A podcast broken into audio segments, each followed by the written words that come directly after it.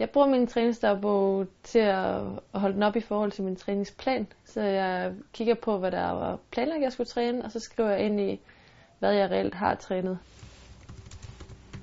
Træningsdagbog er et rigtig vigtigt redskab, fordi at øh, du øh, kan hjælpe dig selv til at præstere bedre, og øh, du kan også hjælpe øh, til at forebygge nogle skader ved at have et godt overblik over det, du træner. For eksempel så er det rigtig vigtigt, at når man har en træningsdagbog, så fører ind, hvor meget træner du, altså den samlede mængde. Men ikke kun det, det er også vigtigt at skrive ned, hvor intensivt du træner. Øh, fordi at det påvirker kroppen kraftigere end bare at træne stille og roligt.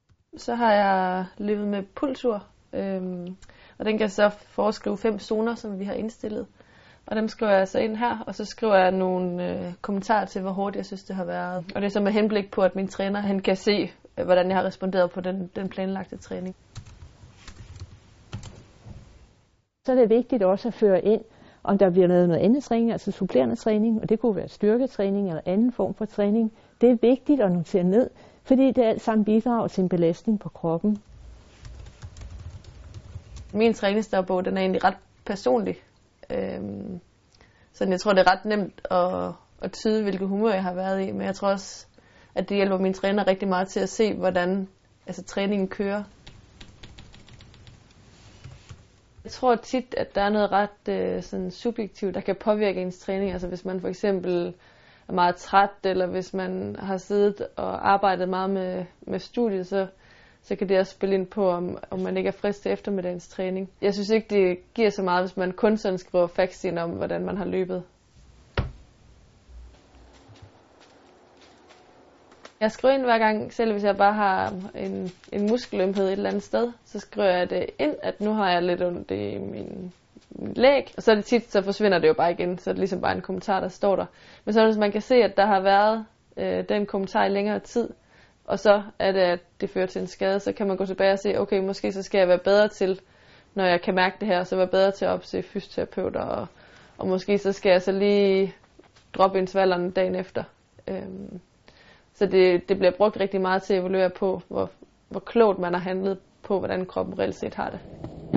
Når jeg har så samtalt med min fysioterapeut, så øh, kigger jeg tilbage, og så siger jeg til hende, jeg har egentlig haft ondt det her sted i en uges tid.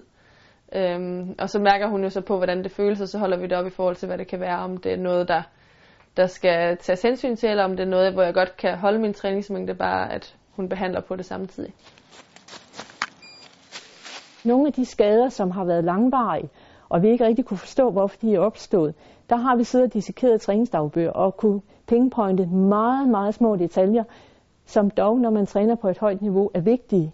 Fordi når du træner meget og træner på et højt niveau, så er det de små nuancer, der gør, om du lykkes eller om du bliver skadet. Og jo mere dygtig atleten er til at, at føre en træningsdagbog, og mere præcis den er, jo mere kan vi også bruge det til. Hvis vi har en atlet, der godt vil præstere bedre og bedre for år til år, så kan vi gå tilbage i tid og se træningsdagbogen, hvad lavede vedkommende sidste år på samme tidspunkt, og så simpelthen se, om vi kan justere noget, der kan gøre, at atleten kommer op på et endnu højere niveau. Selvom det kan være gået fint nok, så kan det godt være, at man ikke øh, føler sig i så god form, som man måske burde, og så kan man kigge tilbage på, okay, et tidspunkt, hvor man så har følt sig i god form, hvad gjorde vi der? Så var det måske mere i den retning, man skulle gøre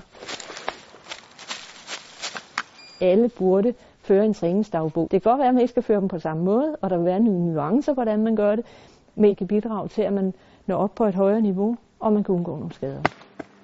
Jeg kan helt klart anbefale andre atleter at bruge træningsdagbog. Øh, jeg synes selv, det godt kan være lidt surt at føre ind nogle gange, fordi det kan godt tage lidt tid, hvis man skal have de her kommentarer med. Øh, og jeg også nogle gange så gør jeg det lidt med tilbagevirkende kraft. Men jeg tror ikke, at at man kan undgå skader øh, særlig godt, hvis man ikke har sin træningsdagbog.